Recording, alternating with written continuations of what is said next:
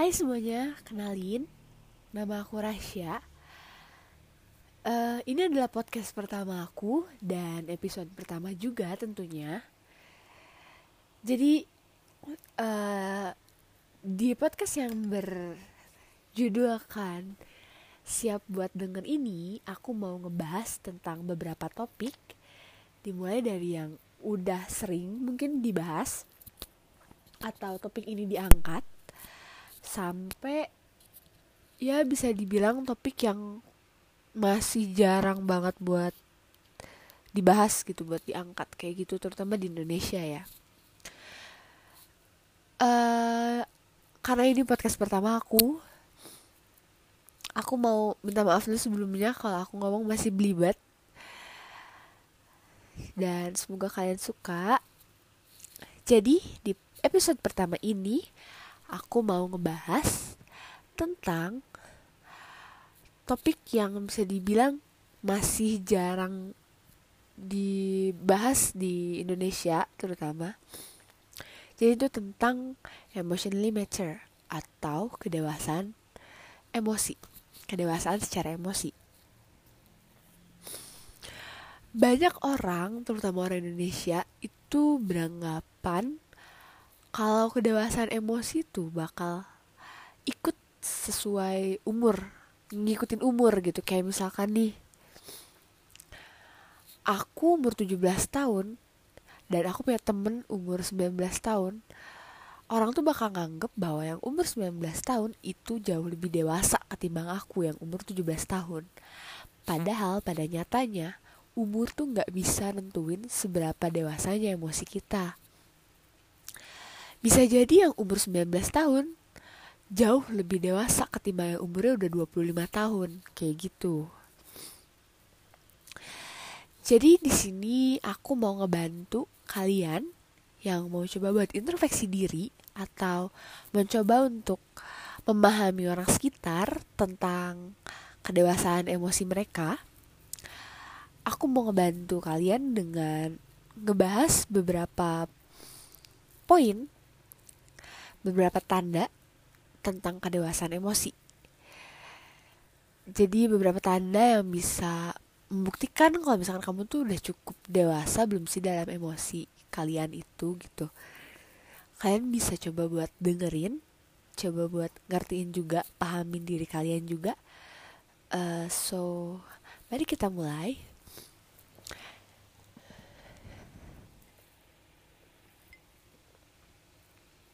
Yang pertama itu kita bisa dibilang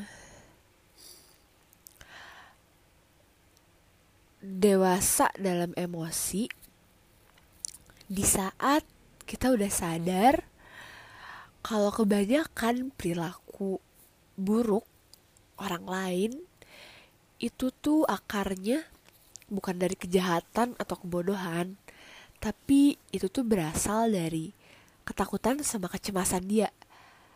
Baik itu dari yang pernah dia alamin atau pernah dia saksiin dari orang sekitar dia kayak gitu. Jadi di saat ada orang nih berperilaku buruk misalnya dia uh, punya kebiasaan buruk apa ya suka mungkin dia uh, gampang buat marah atau gampang buat uh, apa ya sedih gitu kayak gitu-gitu. Mungkin uh, itu tuh sebenarnya akarnya tuh dari ketakutan dia dan kecemasan. Jadi mungkin dia dulunya pernah jadi orang yang nggak pernah marah tapi karena dia mungkin dibully terus kayak gitu-gitu. Mungkin biasanya based on pengalaman dia juga. Dia dia tuh jadi takut dan dia cemas dia bakal digituin lagi dan akhirnya dia sekarang terbentuk menjadi orang yang emosian atau dia mungkin lari ke obat-obat terlarang yang kayak gitu-gitu atau mungkin perilaku buruk kayak mungkin dia klepto suka mencuri atau ya masih banyak hal-hal lain lah hal-hal buruk lain yang pasti itu berasal dari ketakutan dan kecemasan bukan dari kejahatan atau dia kebodohan dia. Itu semua pasti ada latar belakangnya. Nah di saat kalian udah sadar orang lain itu asalnya dari ketakutan dan kecemasan perilaku buruk ya itu kamu udah dapet satu poin kalau kamu tuh udah cukup dewasa dalam emosi kayak gitu terus berikutnya kita sadar kalau orang nggak bisa baca baca pikiran kita jadi akhirnya kita tahu kalau kita harus mengartikulasikan intensi dan perasaan kita dengan kata-kata yang jelas dan tenang. Dan gak nyalahin orang kalau mereka gak ngerti maksudnya kita apa.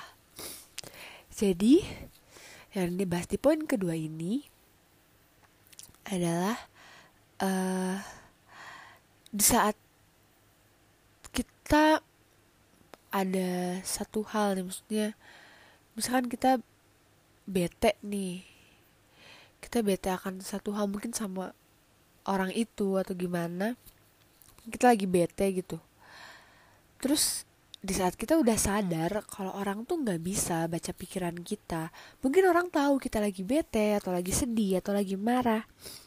Cuman orang kan nggak akan bisa baca pikiran kita dan akhirnya orang nggak akan paham. Menurut aku kasus ini sering banget terjadi di hubungan pacaran. Jadi kita coba tarik contoh dari uh, hubungan pacaran aja.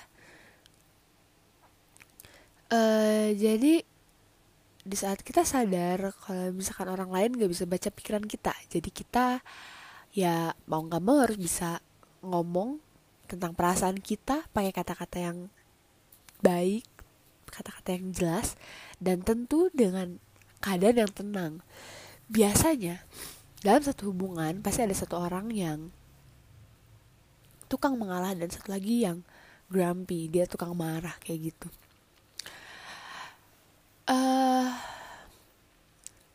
nggak jarang kalau dalam hubungan pasti ad, uh, adalah permasalahan di mana kita saling menyalahkan. Pasangan kita tuh sebenarnya kayak misalkan kamu tuh nggak dewasa kamu nggak dewasa kayak gitu gitu nah tapi kalian bisa menganggap kalau diri kalian dewasa itu dalam hubungan di saat kalian mungkin uh, sad bisa uh, sadar gitu kalau orang tuh pasangan kalian tuh nggak akan ngerti apa yang kalian rasain. Jadi kayak misalnya kamu bete nih sama pasangan kamu. Terus ya kamu kayak cuma diem doang diem doang terus kayak ngode-ngode kayak cemberut cemberut cemberut kayak gitu gitu loh. Terus ya nggak nggak aneh nggak asing juga orang kayak gitu. Cuman kalau kita sebagai yang ngambeknya atau kita sebagai yang ngelihatnya itu pemikirannya udah cukup dewasa kita bakal sadar kalau orang tuh nggak akan mungkin bisa baca baca pikiran kita. Orang tuh nggak akan mungkin bisa paham kita tuh sebenarnya kenapa dan ada apa.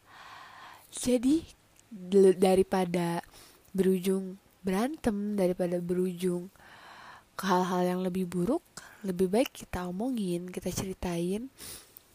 Obrolin semuanya pelan-pelan. Dengan omong obrol dengan bahasa yang baik dengan suasana hati yang emang bisa ditenangin kayak gitu-gitu.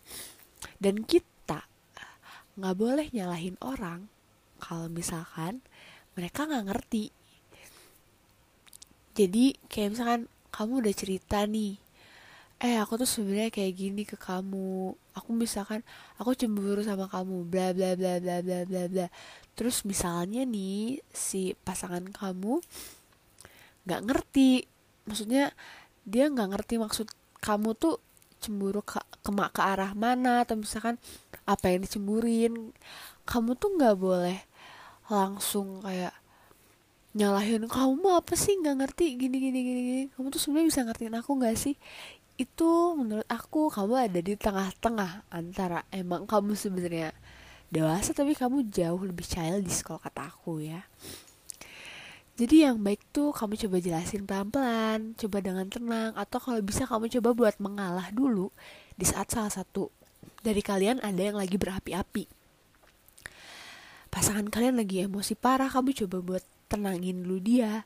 Coba bikin dia cerita atau coba kamu buat cerita. Nah, di saat salah satu dari kalian ada yang gak ngerti dari cerita itu, kalian gak boleh saling nyalahin. Kamu cerita ke dia terus dia nggak paham nih sama cerita kamu kamu nggak boleh menyalahin kayak gitu. Karena porsian orang-orang tuh beda-beda dan mungkin emang kamu ceritanya juga kurang lengkap atau mungkin dia masih belum connect aja gitu kamu nggak boleh langsung ngambil keputusan kalau kamu tuh harus marah ke dia karena dia nggak ngerti dan ngeluarin kata-kata kayak kamu tuh nggak pernah ngertiin aku bla bla bla bla bla nggak boleh karena itu akan merusak hubungan kalian baik itu pacaran, pertemanan, keluarga, dan yang lain-lain. Jadi sekarang kita lanjut ke poin ketiga. Kita bisa dibilang kalau kita udah cukup dewasa secara emosi di saat kita sadar kalau kita pasti akan melakukan salah. Kita kadang-kadang bisa salah dan kita bisa minta maaf. Jadi yang dimaksud di sini tuh uh, semua manusia pasti pernah melakukan kesalahan dan kita harus mau mengakui itu kita harus kita nggak boleh jadi orang yang egois di saat kita salah kita jadinya nyalahin orang lain kita jadinya uh, mencari-cari alasan yang nggak bikin kita salah kalaupun memang ada alasan lain di balik kesalahan itu, kesalahan kamu. Coba buat minta maaf. Di saat kamu udah tahu kalau kamu salah dan ya di saat kamu bisa sadar kalau kamu tuh bisa salah dan kamu harus minta maaf. Itu tanda kalau kamu udah cukup dewasa. Kamu udah masuk poin ketiga di mana kamu tuh udah cukup dewasa hmm, dan menurut aku kadang ngalah tuh mengalah meminta maaf tuh bukan berarti kita lemah bukan berarti kita mencoba merendahkan diri atau gimana tapi kadang kita ngalah itu bisa jadi kebaikan yang bisa berujung pada kejelasan gitu. Kayak misalkan lagi berantem sama orang terus orang itu nggak mau ngalah dia jauh lebih childish daripada kita. Kita nih sebagai orang yang udah ngerasa emosi kita udah cukup dewasa kita pasti bakal memilih untuk ngalah. Memilih buat ya udah kita tenangin dulu suasana di saat udah tenang kita obrolin baik-baik coba buat lurusin kayak gitu. Sekarang kita masuk ke poin keempat. Aku kayaknya bakal bikin ini jadi dua part episode yang tentang emotion limiter ini karena ini cukup panjang juga. Jadi kita sekarang bahas yang keempat uh, kita bisa dibilang cukup dewasa secara emosi itu di saat kita itu belajar buat lebih percaya diri bukan karena menyadari kalau kita hebat tapi karena akhirnya kita tahu kalau semua orang sebodoh, setakut, dan selos kita. Jadi, hmm, gimana ya? Uh, di saat kita belajar buat lebih pede gitu, lebih percaya diri sama diri sendiri, uh, gimana ya sebentar. Oh di saat kita belajar buat percaya diri bukan karena ngerasa hebat itu kita bisa dibilang udah cukup dewasa. Jadi kita tuh ngerasa kayak uh, kita tahu kalau misalkan semua orang tuh sama. Kita semua sama-sama bodoh kita semua sama-sama takut dan kita semua sama-sama lost sama-sama hilang. Jadi kita harus pede nunjukin diri kita yang seperti ini. Bukan berarti kita jadi ngerasa kalau kita tuh hebat.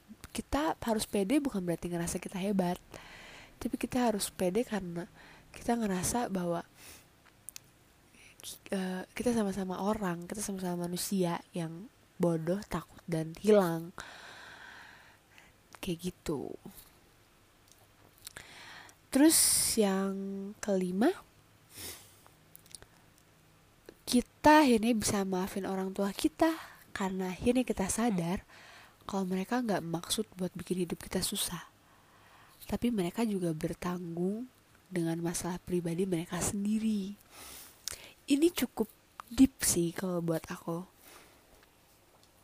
Jadi kita bisa dibilang kalau kita cukup dewasa dalam pemikiran adalah di saat kita bisa maafin orang tua kita. Jadi menurut aku semua orang pasti punya latar belakang keluarga yang bisa dibilang ya pasti ada problem sebaik apa pun keluarga itu kita semua punya porsian yang sama tapi alur cerita kita beda. Aku dengan masalah yang seperti ini kamu dengan masalah keluarga yang seperti itu kita punya porsi yang sama. Tuhan ngebagi rata semuanya. Cuman mungkin alurnya aja yang beda ceritanya yang beda dan judulnya juga beda kayak gitu. Nah kita tuh bisa dibilang cukup dewasa dalam emosi itu di saat kita bisa maafin orang tua yang mungkin selama ini kita anggap kayak ah punya orang tua kayak mereka malah bikin susah kayak aku capek mereka malah nyusahin gimana gimana. Itu harus dua dibuang jauh-jauh sih kalau kalian mau bisa jadi kalau kalian mau jadi dewasa secara emosi. Karena ya semua berawal dari keluarga. Di saat kalian bisa nerima orang tua kalian kalian bisa sadar kalau misalkan orang tua kalian tuh gak cuma ngurusin kalian doang. Mereka juga pasti punya masalah masing-masing sama kayak kamu sama kayak ya kita semua. Kita semua punya masalah masing-masing di luar keluarga. Dan di saat nyampe keluarga kita lampiasin ke orang tua juga ujung-ujungnya gitu kan. Sebenarnya itu bisa dibilang buruk sih karena ya walau aku masih sering ngelakuin itu cuman sekarang aku udah mikir kok itu tuh hal yang buruk.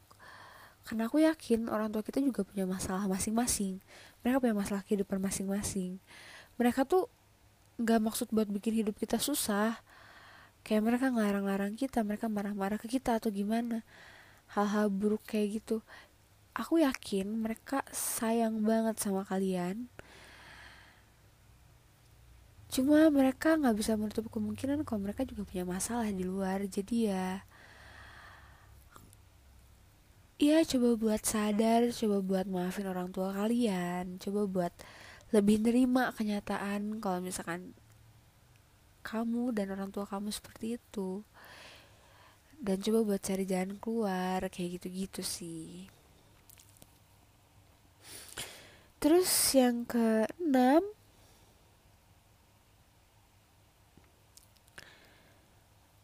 uh, di saat kita sadar kalau misalkan banyak hal-hal kecil yang bisa ngaruh nih ke kita jadi kita harus ngatur waktu buat ngediskusiin hal penting sama orang. Dan waktu orang tersebut udah nyaman kenyang gak buru-buru dan gak mabuk. Agak susah buat ngejelasin yang ini jujur.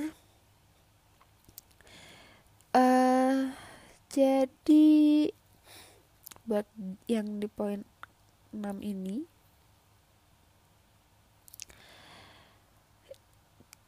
kalau kita udah sadar kalau misalkan hal-hal kecil tuh bisa bener-bener ngaruh besar sama mood kita. Kayak misalkan kalian kurang tidur kalian jadi pusing pusing jadi mood kalian bete. Kalian belum makan kalian darah tinggi kalian lagi banyak pikiran itu kan benar-benar ngeganggu mood kalian. Itu padahal hal-hal kecil kan? Nah di saat kalian udah tahu nih kalau hal itu tuh ngaruh banget ke mood uh, aku yakin ya di saat kalian udah paham aku yakin kalian di saat mau ngomong sama orang itu pasti bakal merhatiin waktu. Ya maksudnya kayak misalnya kalian udah paham nih kalau yang kayak gitu tuh bisa bikin mood jadi berantakan. Bisa ngaruh ke mood lah gitu. Terus kalian misalkan mau ngomong nih sama uh, misalnya orang tua kalian gitu orang tua kalian baru pulang kerja lagi capek lagi stres banyak kerjaan numpuk kurang tidur. Terus kalian tiba-tiba ngomong berit uh, ngomong misalkan uh, ada yang harus dibayar atau enggak misalkan ada masalah apa nih yang kalian bikin? Itu aku yakin mereka akan merespon dengan respon yang buruk gitu. Jadi maksudnya gimana ya? Di saat kalian udah kalian tuh harus bisa ngatur timing yang pas buat ngomong buat ketemu orang buat ya buat ngobrolin hal-hal penting intinya ya. Kalau mungkin ngobrol biasa masih bisa ya cuma kayak misalnya kalau ngobrolin hal-hal penting sama orang tuh kalau misalnya kita udah bisa ngatur ngatur kondisinya itu bisa dibilang kalian udah cukup dewasa. Jadi kalau misalkan mau ngajak orang ngobrol penting jangan pas dianya kayak lagi buru-buru lagi kenyang ngantuk atau lagi mabuk atau lagi pusing juga ada masalah sama pacarnya atau gimana kayak gitu-gitu. Jangan deh mending gak usah diajak ngobrol serius karena ujung-ujungnya obrolan yang kalian omongin tuh gak akan nyampe dan malah berujung mungkin kalian jadi debat. Kayak gitu. Terus yang ketujuh adalah di saat kita di saat kita nggak marah, nggak ngambek, pas orang nyakitin kita. Jadi di saat orang nyakitin kita, kita bakal ngejelasin kenapa kita marah. Dan kita bakal maafin orang tersebut. Gak sih? Jadi kayak misalkan ada orang nih dia tuh misalnya nyakitin kita nih kayak misalkan dia ya kayak berbuat ya apa mah dia nyakitin kita gitu. Terus kita tuh misalkan bakal jadi kita tuh bakal ngejelasin kenapa kita marah dan kita bakal maafin orang tersebut gitu di saat jadi walaupun orang itu udah nyakitin kita kita bakal berusaha buat ya buat maafin orang itu kayak gitu. Itu bisa dibilang kalau kita udah termasuk ke ya cukup dewasa secara emosi. Ice kayak gitu. Lalu yang ke delapan di saat kita udah belajar bahwa nggak ada orang yang sempurna, nggak ada pekerjaan yang sempurna, nggak ada hidup yang sempurna dan nggak ada pasangan yang sempurna. Akhirnya kita bakal ngapresiasi apa yang menurut kita udah cukup, udah cukup baik, udah cukup lah ya gitu. Jadi, hmm, aku yakin kalau kalian pasti pernah atau bahkan sering kepikiran kayak misalkan kenapa sih hidup aku kayak gini kenapa sih aku dapat pekerjaan kayak gini? Kenapa sih pasangan aku kayak gini? Uh, ini tuh baik tapi kayak kok masih kurang? Gitu. Kayak kita tuh ngerasa ya belum terpuaskan gitu. Kayak ini tuh belum sempurna pekerjaan itu belum sempurna hidup aku tuh belum sempurna atau pasangan aku tuh belum sempurna gitu menurut aku pemikiran di saat kalian menuntut untuk sesuatu yang sempurna itu adalah pemikiran yang jujur masih childish. Karena di saat kalian berpikir dewasa kalian akan sadar kalau semuanya nggak ada yang sempurna. Jadi di saat kalian dapat yang menurut kalian oh ini udah cukup maksudnya udah cukup lah udah cukup bisa udah cukup baik pekerjaan ini udah cukup udah bisa menuhin kebutuhan aku udah cukup uh, hidup ini ya udah cukup gitu udah enak kayak misalnya kayak gitu. Terus oh ini aku ada pasangan.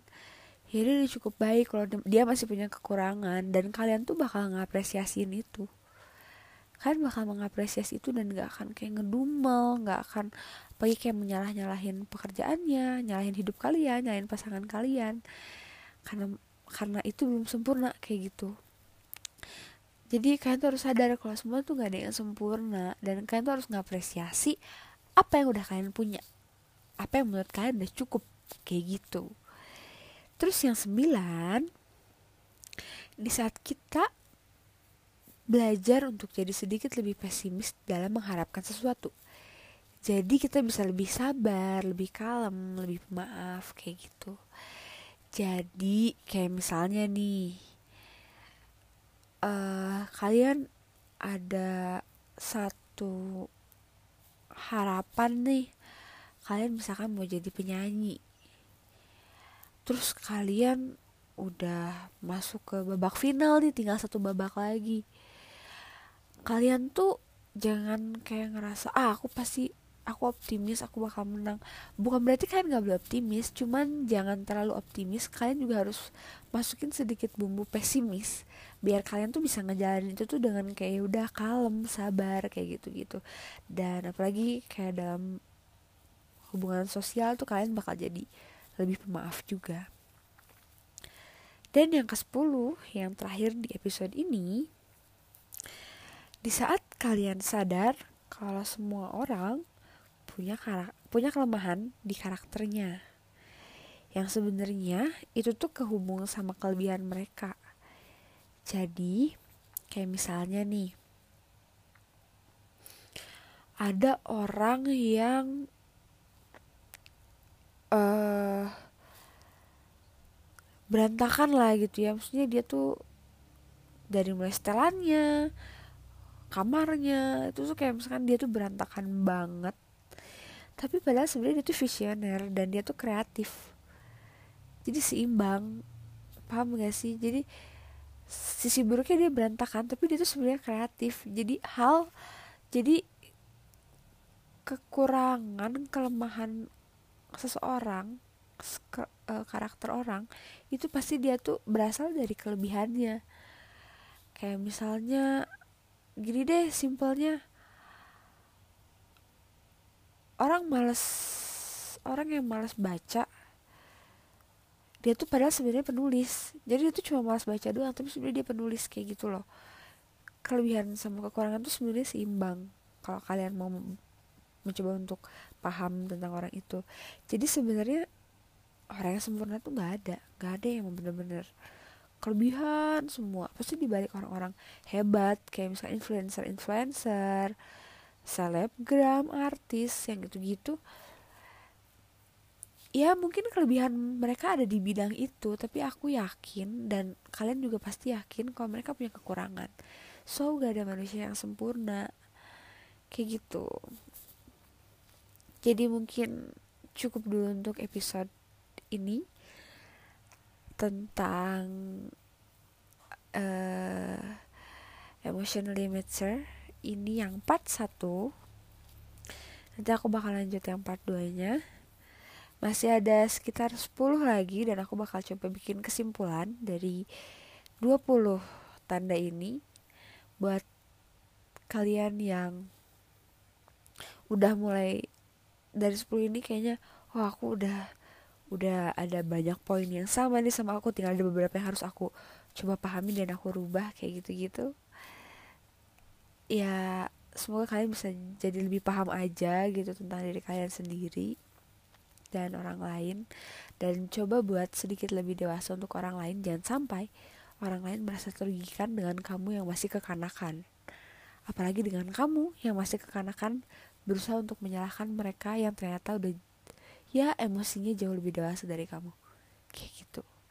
Jadi untuk episode kali ini makasih buat dengerin. So, see you.